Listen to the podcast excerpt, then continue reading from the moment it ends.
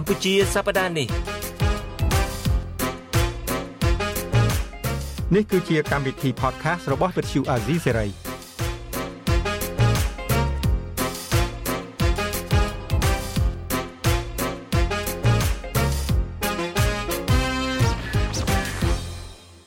បាទខ្ញុំបាទយ៉ងច័ន្ទតារាសូមជម្រាបសួរលោកអ្នកនាងដែលកំពុងស្ដាប់កម្មវិធី podcast កម្ពុជាសប្តាហ៍នេះរបស់ Vuthu Azizi Serai ហើយក៏សូមជម្រាបសួរពូបលីដែរបាទ ជម្រាបសួរតារាហើយជម្រាបសួរមិត្តអ្នកស្ដាប់របស់ Vuthu Azizi Serai ទាំងអស់ដែរបាទបាទជួបគ្នាជាថ្មីទៀតហើយពូឥឡូវនេះអាទិត្យមុននឹងយើងថាមានធ្លាក់ព្រិលធ្លាក់អីតិចខ្លាំងណាស់ផងណាឥឡូវសប្តាហ៍នេះហាក់ដូចជាប្រែប្រួលវិញហើយពូនឹងពីអាទិត្យមុនតាមពិតបាទ snow ធ្លាក់មកច្រើន នៅ ក្នុងតំបន់ Washington DC ហ្នឹងបាទបន្ទាប់ពី snow ធ្លាក់ស្រាប់តែណាធាតុអាកាសដូរផ្លាស់ទៅទៅជាក្តៅ snow រលាយអស់បាទឥឡូវដល់អាទិត្យនេះ ល្ងាវិញបាទល្ងាវិញព្រិលក៏រលាយអស់ចេញរងាវិញអញ្ចឹងអាកាសធាតុក៏ផ្លាស់ប្ដូរមនុស្សក៏អាចផ្លាស់ប្ដូរដែរមិនអញ្ចឹងឯងពូប្រទេសជាតិក៏ផ្លាស់ប្ដូរដែរប្រទេសជាតិក៏ផ្លាស់ប្ដូរដែរករណីថ្ងៃនេះយើងនិយាយពីរឿងការផ្លាស់ប្ដូរដ៏សំខាន់នៅកម្ពុជាតែម្ដងហើយ យើងនឹងបញ្ជាក់ប្រាប់លោកអ្នកនាងថាជាអីគេដែលខាងផ្លាស់ប្ដូរនៅកម្ពុជានោះហើយកម្មកម្មវិធីកម្មវិធី podcast កម្ពុជាសប្តាហ៍នេះរបស់យើងมันមានភ្ញៀវទេថ្ងៃនេះដោយសារតែតាមពិតយើងបានតាក់ទងភ្ញៀវមួយរូបដែរជាយុវជនប៉ុន្តែដោយសារបញ្ហាបច្ចេកទេសយើងមិនអាចភ្ជាប់គាត់បានដូច្នេះមានខ្ញុំហ្នឹងពីអ្នកពូប៉ូលីជជែកគ្នាបែកខ្ទិះម្ដងមើលលើកនេះហ្នឹងហើយយើងអាចនិយាយចឹងក៏បានតាមពិតយើងមានឯកសារគ្រប់គ្រាន់បាទយើងយើងជជែកគ្នាហ្នឹងពឹងផ្អែកទៅលើឯកសារ ដែលយើងមានបាទហើយក៏ពឹងផ្អែកទៅលើសម្ដីរបស់រដ្ឋមន្ត្រីមួយរូបបាទដែលយើងគិតថាឧបនាយករដ្ឋមន្ត្រីឧបនាយករដ្ឋមន្ត្រីមួយរូបដែលយើងគិតថាយកជាការបានបាទយកជាការបានបាទបាទដូច្នេះកម្មវិធីយើងនៅថ្ងៃនេះយើងជជែកអំពីប្រធានបទដ៏សំខាន់មួយគឺតកតងទៅនឹងការរីករាលដាលនៃគ្រឿងញៀននៅកម្ពុជា ហើយយើងលើកយកប្រធានបទនេះមកជជែកពិភាក្សានឹងពីព្រោះថាកម្ពុជាយើងបច្ចុប្បន្ននេះគឺបញ្ហាគ្រឿងញៀននេះវាលុកខ្លាំងមែនទែននៅក្នុងសង្គមកម្ពុជាអឺពីដើមឡើយមកគឺថាគ្រឿងញៀននេះសម្បូរតែនៅក្នុងទីក្រុងឬមួយក៏ទីប្រជុំជនទេជាពិសេសនៅរាជធានីភ្នំពេញប៉ុន្តែបច្ចុប្បន្ននេះគឺថាបានរីករាលដាលរហូតទៅដល់តាមខេត្តខណ្ឌជនបទអីហ្នឹងគឺថាពេញនឹងទាំងអស់ស្រុកស្រែចំការបាទ កន្លែងណាក៏ដោយក៏មានគ្រឿងញៀនដែរគ្រឿងញៀនដែរហើយក៏មានប្រជាពលរដ្ឋខ្មែរយើងនឹងជាជាពិសេសយុវវ័យហ្នឹងនាំគ្នាប្រើគ្រឿងញៀនហ្នឹងព្រោះវាហាក់បីដូចជារបស់ដែលហាមឃាត់ហ្នឹងវាវាសម្បូរសម្បូរដូចត្រីនៅបឹងទលេសាបដែលខ្មែរយើងធ្លាប់និយាយពីដើមអញ្ចឹងគាត់ថាលូកដៃទៅបោះបកាយទៅបោះនុយនុយទៅគឺថាចាប់បានត្រីភ្លាម គ្រឿងញៀននៅស្រុកខ្មែរយើងហ្នឹងបើតាមដែលភ្ញៀវកិត្តិយសរបស់យើងដែលមិនបានចូលរួមជាមួយយើងបាទដោយសារបញ្ហាអ៊ីនធឺណិតហ្នឹងបច្ចេកទេសហ្នឹងគឺថាគាត់ថាសម្បូរណាបាទសម្បូរសម្បូរនោះមែនតើអឺគាត់តាមពិតគាត់ប្រាប់ខ្ញុំនៅមុនពេលដែលយើងថតកម្មវិធី podcast នេះដែរថាគាត់ធ្លាប់ឃើញករណីប្រើប្រាស់និងចាយចាយគ្រឿងញៀននៅក្នុងស្រុកភូមិរបស់គាត់គាត់នៅខាងខេត្តកំពង់ធំណានៅជិតខាងតំបន់ព្រៃឡង់ដែរគាត់ថាឃើញតាំងពីគាត់នៅក្មេងហើ យជាពិសេសស្គាល់ដឹងទាំងគ្រួសារដែលលក់គ្រឿងញៀននឹងទៅទៀតហើយមកដល់រហងៃនៅតែ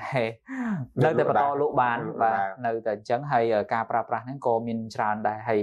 អឺកម្រិតត្រឹមក្មេងអាយុ10ឆ្នាំអីហ្នឹងក៏មានប្រើគ្រឿងញៀនដែរណាពូតាមការរៀបរាប់របស់គាត់ហ្នឹងដូច្នេះមានការប្រែប្រួលហើយមិញនេះខ្ញុំចាប់អារម្មណ៍សម្ដីរបស់ពូពលីថាអឺរឿងចង្រុកត្រីចង្រុកអីហ្នឹងណាអាហ្នឹងយើងតែងតែឮភាសាមួយដែលគេបាន ប្រសិទ្ធនាមឲ្យកម្ពុជាយើងដោយសារកម្ពុជាយើងមានបឹងទន្លេសាបមួយដែលធំដែលជាជង្រុកត្រីបាទអញ្ចឹងពូចង់មានភាសាបាញ់មិញហ្នឹងចង់ថាយើងខ្លាយជាជង្រុកអីគេពូអឺជាជង្រុកគ្រឿងញៀនអូការលើកមុនអឺប្រទេសកម្ពុជាយើង គឺត្រូវជនពៀលជនដែលប្រព្រឹត្តអំពើ ខុសច្បាប់ហ្នឹងប្រើប្រទេសកម្ពុជានេះគឺជាទីតាំងសម្រាប់គេ transfer សម្រាប់គេឆ្លងឆ្លងកាត់បាទឆ្លងកាត់ចរាចរណ៍ចរាចរណ៍ឆ្លងកាត់គ្រឿងញៀនហ្នឹងយកទៅលក់នៅក្នុងប្រទេសដទៃទៀតបាទឥឡូវនេះប្រទេសកម្ពុជាយើងคล้ายទៅជាប្រទេសមួយដែលកំពុងតែផលិតគ្រឿងញៀនបាទផលិតគ្រឿងញៀនផងអញ្ចឹងនៅពេលដែលប្រទេសយើងផលិតហើយអាភាពសម្បូរហូរហៀនឹងប្រកាសជាមានចែកចាយគ្រប់ទីគ្រប់ទីកន្លែងហើយអ្នកខ្លះសួរថាអូអឺ ហេតុក៏ដឹងប្រកាសម៉េះព្រោះយើងមានអ្នករាយការណ៍របស់យើងមានប្រជាពលរដ្ឋយើងមានវាគ្មិនរបស់យើងដែលបាននិយាយហើយអ្វីដែលសំខាន់ក្នុងពេលនេះទៀតដូចតារាដឹងស្រាប់ហើយហើយប្រជាពលរដ្ឋមិត្តអ្នកស្ដាប់របស់របស់អាស៊ីសេរីប្រកាសជាដឹងថាក្នុងរយៈពេល1ខែក្នុងដើមឆ្នាំ2024ហ្នឹងគឺអាញាធរចាប់បានគ្រឿងញៀនហ្នឹងដល់ទៅ ប្រហែលបើពូពុតទៅដល់ទៅ2000តោនរួចមកហើយ2តោនបាទ2តោននិយាយ2000តោនចង់និយាយថា2000តោនហ្នឹងវា2000គីឡូមិនអញ្ចឹងហ៎បាទ2000គីឡូកុំឲ្យណាត់បាទ so 2000តោនស្មើនឹង2តោន2តោនស្មើនឹង2000គីឡូហ្នឹងរួចទៅហើយក្នុងដើមខែក្នុងក្នុងដើមខែបាទខែមករាដើមឆ្នាំអឺ2024 2024នេះបាទត្រឹមត្រូវហើយពូអឺមែនតែនទៅបើយើងត្រឡប់ទៅមើលតួលេខវិញ ក្នុងមួយឆ្នាំ2023កន្លងទៅហ្នឹងគឺថាក្នុងមួយឆ្នាំហ្នឹងប្រតិបត្តិការបង្ក្រាបគ្រឿងញៀនហ្នឹងគឺសមត្ថកិច្ចចាប់បានគ្រឿងញៀនហ្នឹងប្រហែលជា4តោនជាងពេញមួយឆ្នាំរយៈពេល12ខែប៉ុន្តែនៅពេលដែលចូលឆ្នាំ2024នេះគ្រាន់តែនៅក្នុងខែមករាមួយហើយมันបានពេញមួយខែទៀតនៅក្នុងរយៈពេលគម្លាតគ្នាតែ2 3អាទិត្យហ្នឹងសមត្ថកិច្ចចាប់គ្រឿងញៀនបានរហូតដល់ទៅ2តោនហើយក្នុងហ្នឹងគឺមានមួយតោននោះគឺមិនមែនតែចាប់ទៅទៀត អ ுக ្រិតជនហ្នឹងយកទៅប្លង់ចោលទេអញ្ចឹងអត់ចាំបាច់ទៅចាប់ទៀតហ្នឹងណាគឺថាគ្រឿងញៀនហ្នឹងវាពូពីសពេកទៅហ្នឹងពូពីសពេកបាទប៉ុន្តែតែការប្លង់ចោលហ្នឹងទី1ហ្នឹងគាត់យើងគិតណាជួយគិតគ្នាទី1ហ្នឹងគេគេប្រហែលជាដឹងថាសមត្ថកិច្ចនឹងកំពុងតាមចាប់ហើយបាទអញ្ចឹងយកទៅប្លង់ចោលបណ្ដោយទៅឬក៏អាការដឹកជញ្ជូនហ្នឹងវាមានច្រើនពេកវាលឹះវាការផលិតហ្នឹងវាលឹះលឹះចំនួនលឹះអីចឹងទៅ ដឹកមិនមិនកើតខ្លាច់គេមកតន់ផងគេចាប់អីផងទៅឥឡូវប្លង់ចោលមួយតោនទៅដើម្បី បដោះបាទបដោះផ្សេងទៀតអីចឹងទៅផ្សេងទៀតទៅហ្នឹងអឺវាវាអាចដែរពូនៅក្នុងចំណុចថាវាច្រើនពេកដូច្នេះការដឹកជញ្ជូនក្នុងទ្រង់ទ្រាយធំអញ្ចឹងក៏វាត្រូវការប្រតិបត្តិការដែលមានលក្ខណៈចងក្រងជាបណ្ដាញបោះដៃឲ្យគ្នាអីទៅវិញទៅមកដែរអ្វីដែលសំខាន់ហ្នឹងខ្ញុំនឹកឃើញរឿងមួយពូកាលពីអំឡុងប្រហែលជាឆ្នាំ2017ដើមឆ្នាំបាទកាលហ្នឹងមុនយើងបិទការិយាល័យដោយសារការធ្វើទុកបុកម្នេញពីអាជ្ញាធររដ្ឋាភិបាលហ្នឹងខ្ញុំធ្លាប់ទៅយកព័ត៌មាន នៅកន្លែងមន្ទីរប្រឆាំងគ្រឿងញៀនកាលហ្នឹងលោកម៉ាក់ជីតូគាត់ធ្វើសន្និសីទកសែតណាបាទជារឿងកាលហ្នឹងដូចជាផ្ទុះភ្ញាក់ផ្អើលខ្លាំងមែនទែនគឺសមត្ថកិច្ចចាប់គ្រឿងញៀនបានរាប់សិបគីឡូហើយគ្រឿងញៀនដែលគេចាប់បានហ្នឹងមិនមែនក្នុងលក្ខណៈមួយថារត់រាយទេគឺថាវិចខ្ចប់ដូចសាប៊ូដុំអញ្ចឹងដុំមួយដុំធំធំតែម្ដងណារាប់សិបគីឡូក្រាមហើយយកមកធ្វើសន្និសិទកសែតហ្នឹងគ្រាន់តែយើងចូលទៅក្នុងបន្ទប់សន្និសិទកសែតរបស់មន្ទីរប្រឆាំងគ្រឿងញៀនហ្នឹង ដូចលក្ខណៈអាក្លិនគ្រឿងញៀនហ្នឹងដូចវាភាយភាយមកដូចក្លិនយើងចង់ញៀនហើយកាលហ្នឹងយើងភ្ញាក់ផ្អើលមែនតើពីព្រោះអីការចែកចាយការចរាចរតាមមូលដ្ឋានហ្នឹងយើងធ្លាប់ឃើញធ្លាប់មានអ្នកប្រាប់យើងហ្នឹងគឺក្នុងទ្រង់ទ្រាយតូចជាលក្ខណៈជាកញ្ចប់ម៉ាតកកឬមួយក៏តិចតួចអីចឹងទេប៉ុន្តែនៅពេលដែលយើងទៅដល់កន្លែងដែលប៉ូលីសចាប់គ្រឿងញៀននឹងបានគឺម្ដងជាង កាលហ្នឹងដូចបើតាខ្ញុំចាំដូចរាប់សិបគីឡូដូចឈានចូលដល់50 60គីឡូអញ្ចឹងរបស់50 60គីឡូគឺថាវិចខ្ចប់ជាដុំជាដុំធំធំស្អាតតែម្ដងអញ្ចឹងពេលហ្នឹងពេលហ្នឹងគេវិចខ្ចប់ស្អាតហ្នឹងដើម្បីសម្រាប់បញ្ជូនការឆ្លងកាត់មិនចឹងគេយកប្រទេសកម្ពុជានេះធ្វើជាការឆ្លងកាត់ហើយគេចាប់បាននៅនោះបាទត្រូវហើយជិត10ឆ្នាំកន្លងមកឥឡូវនេះអឺឧបនាយករដ្ឋមន្ត្រីមិនចឹងឧបនាយករដ្ឋមន្ត្រីសសុខាបាទបានបានប្រកាសថាប្រទេសកម្ពុជា បច្ចុប្បន្ននេះคล้ายទៅជា ប្រទេសដែលផលិតផលិតបាទគ្រឿងញៀននឹងតែម្ដង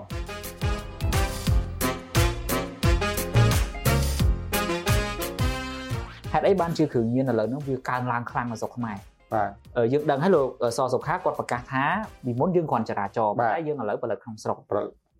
បញ្ហាដែលខាងអាជ្ញាធរជាតិប្រយុទ្ធប្រឆាំងគ្រឿងញៀនបកស្រាយគឺនៅត្រង់ថាពីដើមឡើយពួកអ ுக ្រិតជនទាំងអស់ហ្នឹងផលិតគ្រឿងញៀនតាមបែបធម្មជាតិ ដែលប្រើរយៈពេលយូរប៉ុន្តែបច្ចុប្បន្ននេះអ ுக ្រិតជនអស់ហ្នឹងគេបានគេមិនបានផលិតក្នុងលក្ខណៈជាធម្មជាតិទេគឺគេផលិតដោយសង្យោគមានន័យថាដោយយកសារធាតុគីមីមកផ្សំកែច្នៃ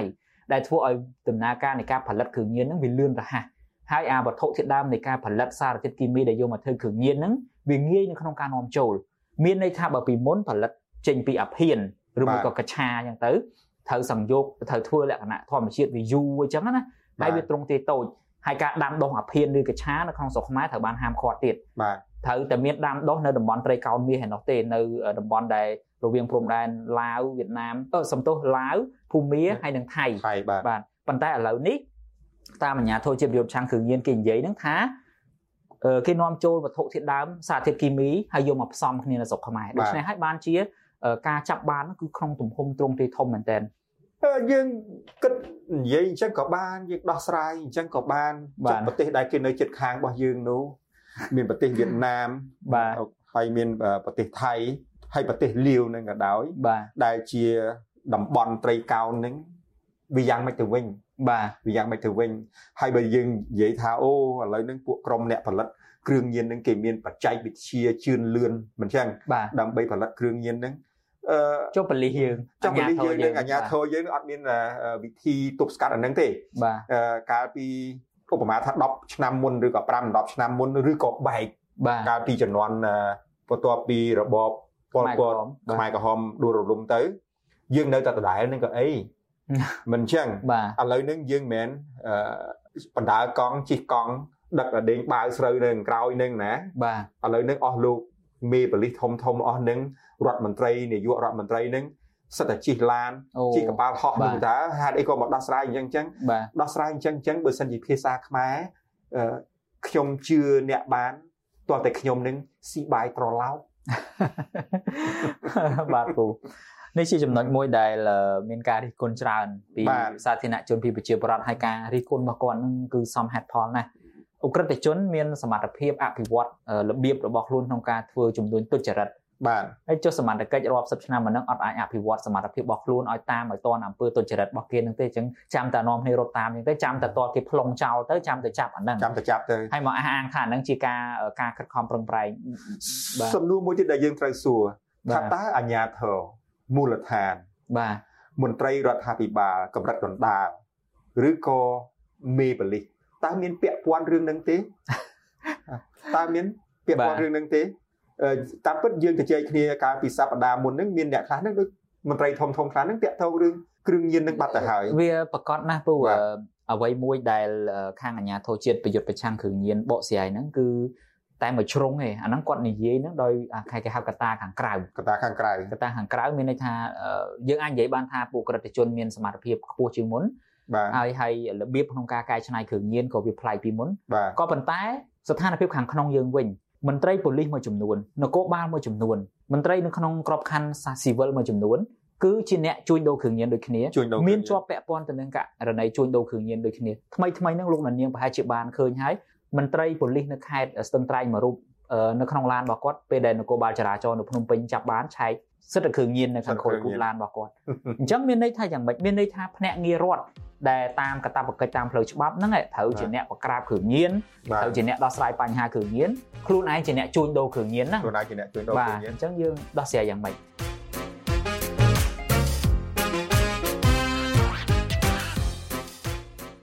កន្លងមកយើងដឹងហើយកាលពីប្រហែលឆ្នាំមុននោះយើងមិនចាប់ស្រុកខ្មែរយើងនឹងមិនចាប់ អុកញ៉ាមួយអុកញ៉ាគិតធៀងបាទបាទបងរបស់អុកញ៉ាគិតមេបាទដែលលក់គ្រឿងញៀនបាទហើយអ្នកដែលទៅប្រើគ្រឿងញៀននៅក្នុងក្លឹបរបស់គាត់ហ្នឹងមិនមែនអ្នកមកពីជនបទណាបាទកូនក្មេងនៅនិស្សិតភ្នំពេញនៅភ្នំពេញហ្នឹង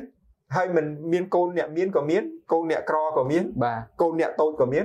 កូនអ្នកធំក៏មានបាទអញ្ចឹងបើសិនជាប្រទេសមួយអនុញ្ញាតឲ្យមានការប្រើប្រាស់គ្រឿងញៀនដោយគ្មានការទប់ស្កាត់ហ្នឹង គឺថាបង្កើតជាបញ្ហាសង្គមមួយដែលនឹងពិបាកដោះស្រាយជាទីបំផុតបាទចង់មិនចង់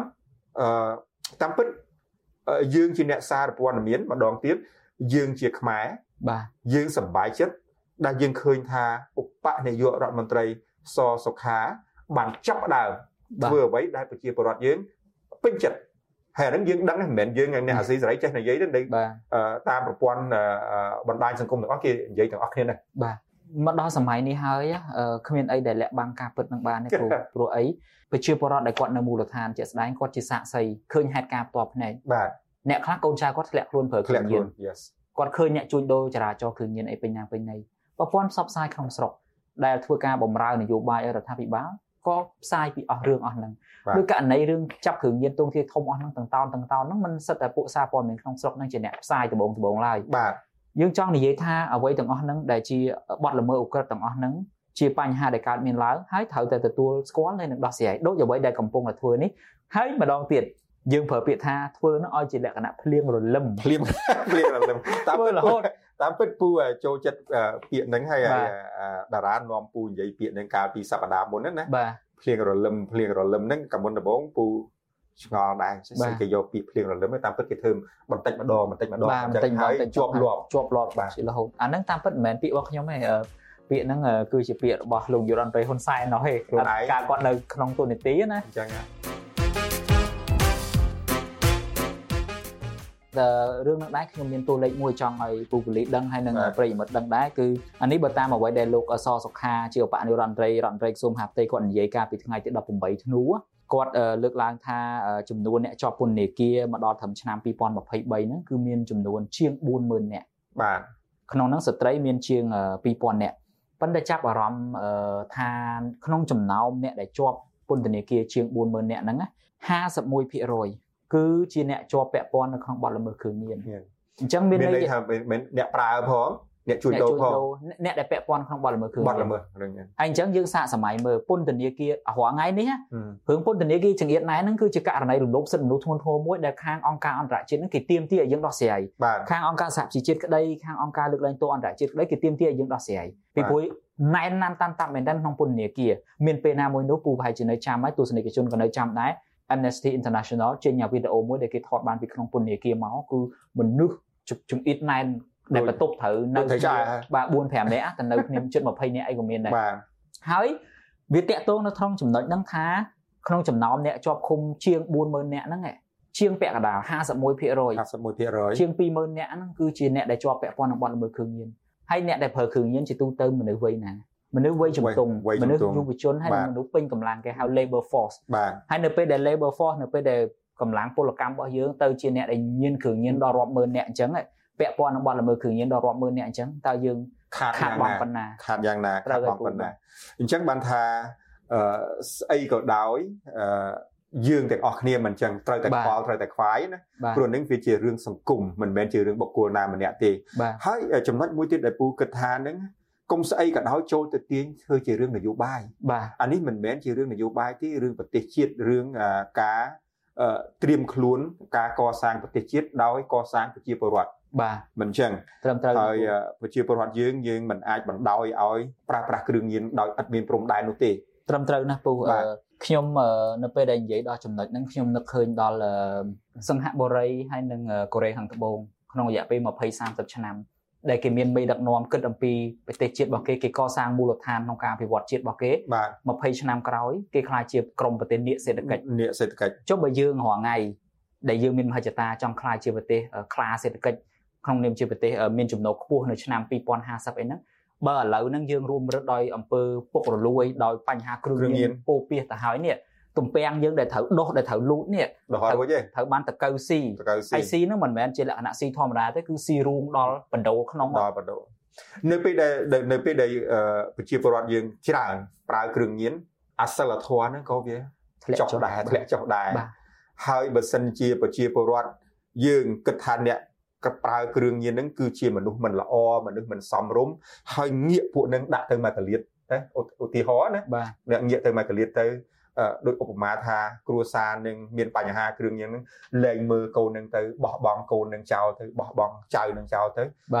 សង្គមយើង press ស្រាំនឹងកាន់តែច្រើនឡើងច្រើនឡើង ហ្នឹងហើយពូយើងជជែកគ្នាហ្នឹងក៏ច្រើនណាស់ហើយអញ្ចឹងយើងកុំជជែកគ្នាឲ្យដូចថាតឹងតែងពេកឲ្យដូចថាទុតិធិនិយមអីយើងជជែកក្នុងន័យនេះថាបើថាឃើញអាញាធរសមត្ថកិច្ចជាពិសេសក្រសួងមហាផ្ទៃចាប់ផ្ដើមធ្វើក្នុងលក្ខណៈច្បាស់ការហើយសូមឲ្យធ្វើបន្តទៀត បាទអានឹងអានឹងការទៅជែករបស់យើងនឹងអញ្ចឹងទៅតារាបាទពូបាទយើងចង់ឲ្យមានការវិវត្តទៅមុខដើម្បីកសាងប្រទេសជាតិប្រទេសជាតិយើងតែប៉ុណ្្នឹងទេប៉ុន្តែអាអារឿងដែលយើងនិយាយហ្នឹងគឺថាបើយើងមិនប្រយ័ត្នទេបើយើងមិនចាប់ដើមនិយាយទេបើយើងមិនគិតថាជារឿងហ្នឹងជារឿងជាបញ្ហាដ៏ធំទេយើងមិនយើងមិនចង្អៀតចិត្តយើងមិនចង់ស្ទះបេះដូងទេមានន័យថាយើងអត់ឃើញការពិតទេ ត្រឹមត្រូវហើយពូអ្វីដែលយើងលើកឡើងតាំងបាល់ម៉ាន់សុទ្ធសឹងតែផ្អែកទៅលើការពិតតួលេខទិន្នន័យពីក្រសួងមហាផ្ទៃសម្ដីរបស់រដ្ឋមន្ត្រីក្រសួងមហាផ្ទៃពីប្រជាពលរដ្ឋហើយថ្មីថ្មីហ្នឹងអាស៊ីសេរីយើងក៏ចេញរបាយចេញសេចក្តីរាយការណ៍មួយដែរគាត់ទៅសម្ភាសផ្ទាល់រហូតដល់យើងបានសម្ភាសផ្ទាល់រហូតដល់អ្នកដែលគាត់ ធ្លាក់ខ្លួនជាអ្នកជួញដូរប្រើប្រាស់គ្រឿងញៀនអញ្ចឹងណាអនាគតរបស់គាត់សូនសុងអីចឹងទៅអញ្ចឹងគឺថាបញ្ហានេះវាច្រើនរាប់ម្ដងហើយរឿងសិលធម៌សង្គមអារឿងបញ្ហាអីនេះហ្នឹងគឺច្រើនណាស់យើងឃើញពេលដែលបែកឆ្នាំម្ដងម្ដងកូនអឺប្រើប្រហឹងសារលើពុកម្ដាយក៏មានសម្រាប់អីក៏មានអំពើឃាតកម្មយរួមរឿងច្រើនណាស់ដែលយើងអាចនឹងឃើញប៉ុន្តែយើងមិនចង់ឃើញអារូបភាពបែបហ្នឹងនៅក្នុងសង្គមជាតិខ្មែរយើងពីព្រោះយើងទាំងអស់គ្នាសុទ្ធតែជាខ្មែរទេបាទបាទ ដូច្នេះមកដល់ត្រឹមនេះការជជែកវែកញែករបស់យើងក្នុងបញ្ហាដែលកម្ពុជាខ្លាចជាកន្លែងដែលរីករាលដាលនៃគ្រឿងញៀនហ្នឹងក៏ឈានចូលមកដល់ហើយមកដល់ទីបញ្ចប់ហើយពូហើយយើងសង្ឃឹមថារឿងបក្រាបគ្រឿងញៀននេះឲ្យវាជាភ្លៀងរលឹមទៀតពូបាទវាហើយយើងគិតយ៉ាងតារាក្រៅពីយល់ថាឧបនាយករដ្ឋមន្ត្រីថ្មីគាត់នឹងធ្វើអាហ្នឹងបាទក៏យើងនៅចង់ឲ្យ credit ឲ្យកិត្តិយសទៅប្រជាពលរដ្ឋខ្មែរយើងដែរបាទព្រោះគាត់បានគិតគូររឿងហ្នឹងច្រើនជាងយើងទៀតបាទហើយជាពិសេសទៅលើយុវវ័យបាទយុវជនខ្មែរយើងហ្នឹងភ្ញៀវដែលយើងចង់បានគឺគាត់ភ័យព្រួយណាស់គាត់ភ័យណាស់គាត់ភ័យព្រួយណាស់គាត់មិនចង់ឲ្យបញ្ហាអស់ហ្នឹងកើតមានឡើងទេអញ្ចឹងប្រជាពលរដ្ឋខ្មែរយើងគ្រប់ទិសទីរួមទាំងប្រជាពលរដ្ឋខ្មែរយើងនៅក្នុងប្រទេសនេះគឺថាគាត់ភ័យព្រួយសម្បើមណាស់ ហើយយើងសង្ឃឹមថាការភ័យព្រួយរបស់គាត់នឹងឲ្យคล้ายទៅជាសកម្មភាពដែលចំណេញដែលនាំគ្នានិយាយហើយចំណេញដល់ប្រជាពលរដ្ឋខ្មែរយើងទៅថ្ងៃអនាគតបាទ ហ្នឹងហើយអរគុណពូហើយក៏សូមអរគុណលោកនាងដែរដែលតាមដានកម្មវិធីយើងតាំងពីដើមរហូតមកដល់ចប់ហើយយើងនឹងបន្តតាមដានទៀតអំពីករណីគ្រឿងញៀននិងបញ្ហាទាំងឡាយហើយយើងអាចនឹងយករឿងហ្នឹងទៅជជែកពិភាក្សាក្នុងកម្មវិធីវេទិកាអ្នកស្ដាប់របស់យើងក្នុងកម្មវិធីព័ត៌មានរបស់យើងឬមួយក៏នៅក្នុងកម្មវិធី podcast នេះដូច្នេះសូមលោកអ្នកនាងបន្តតាមដានបន្តគ្រប់គ្រងកម្មវិធីផ្សាយរបស់ស៊ីស្រីជាបន្តទៅទៀតមកដល់ត្រឹមនេះខ្ញុំបាទយ៉ងច័ន្ទតារាលោកសំពលីសូមអរគុណនិងសូមជម្រាបលាបាទ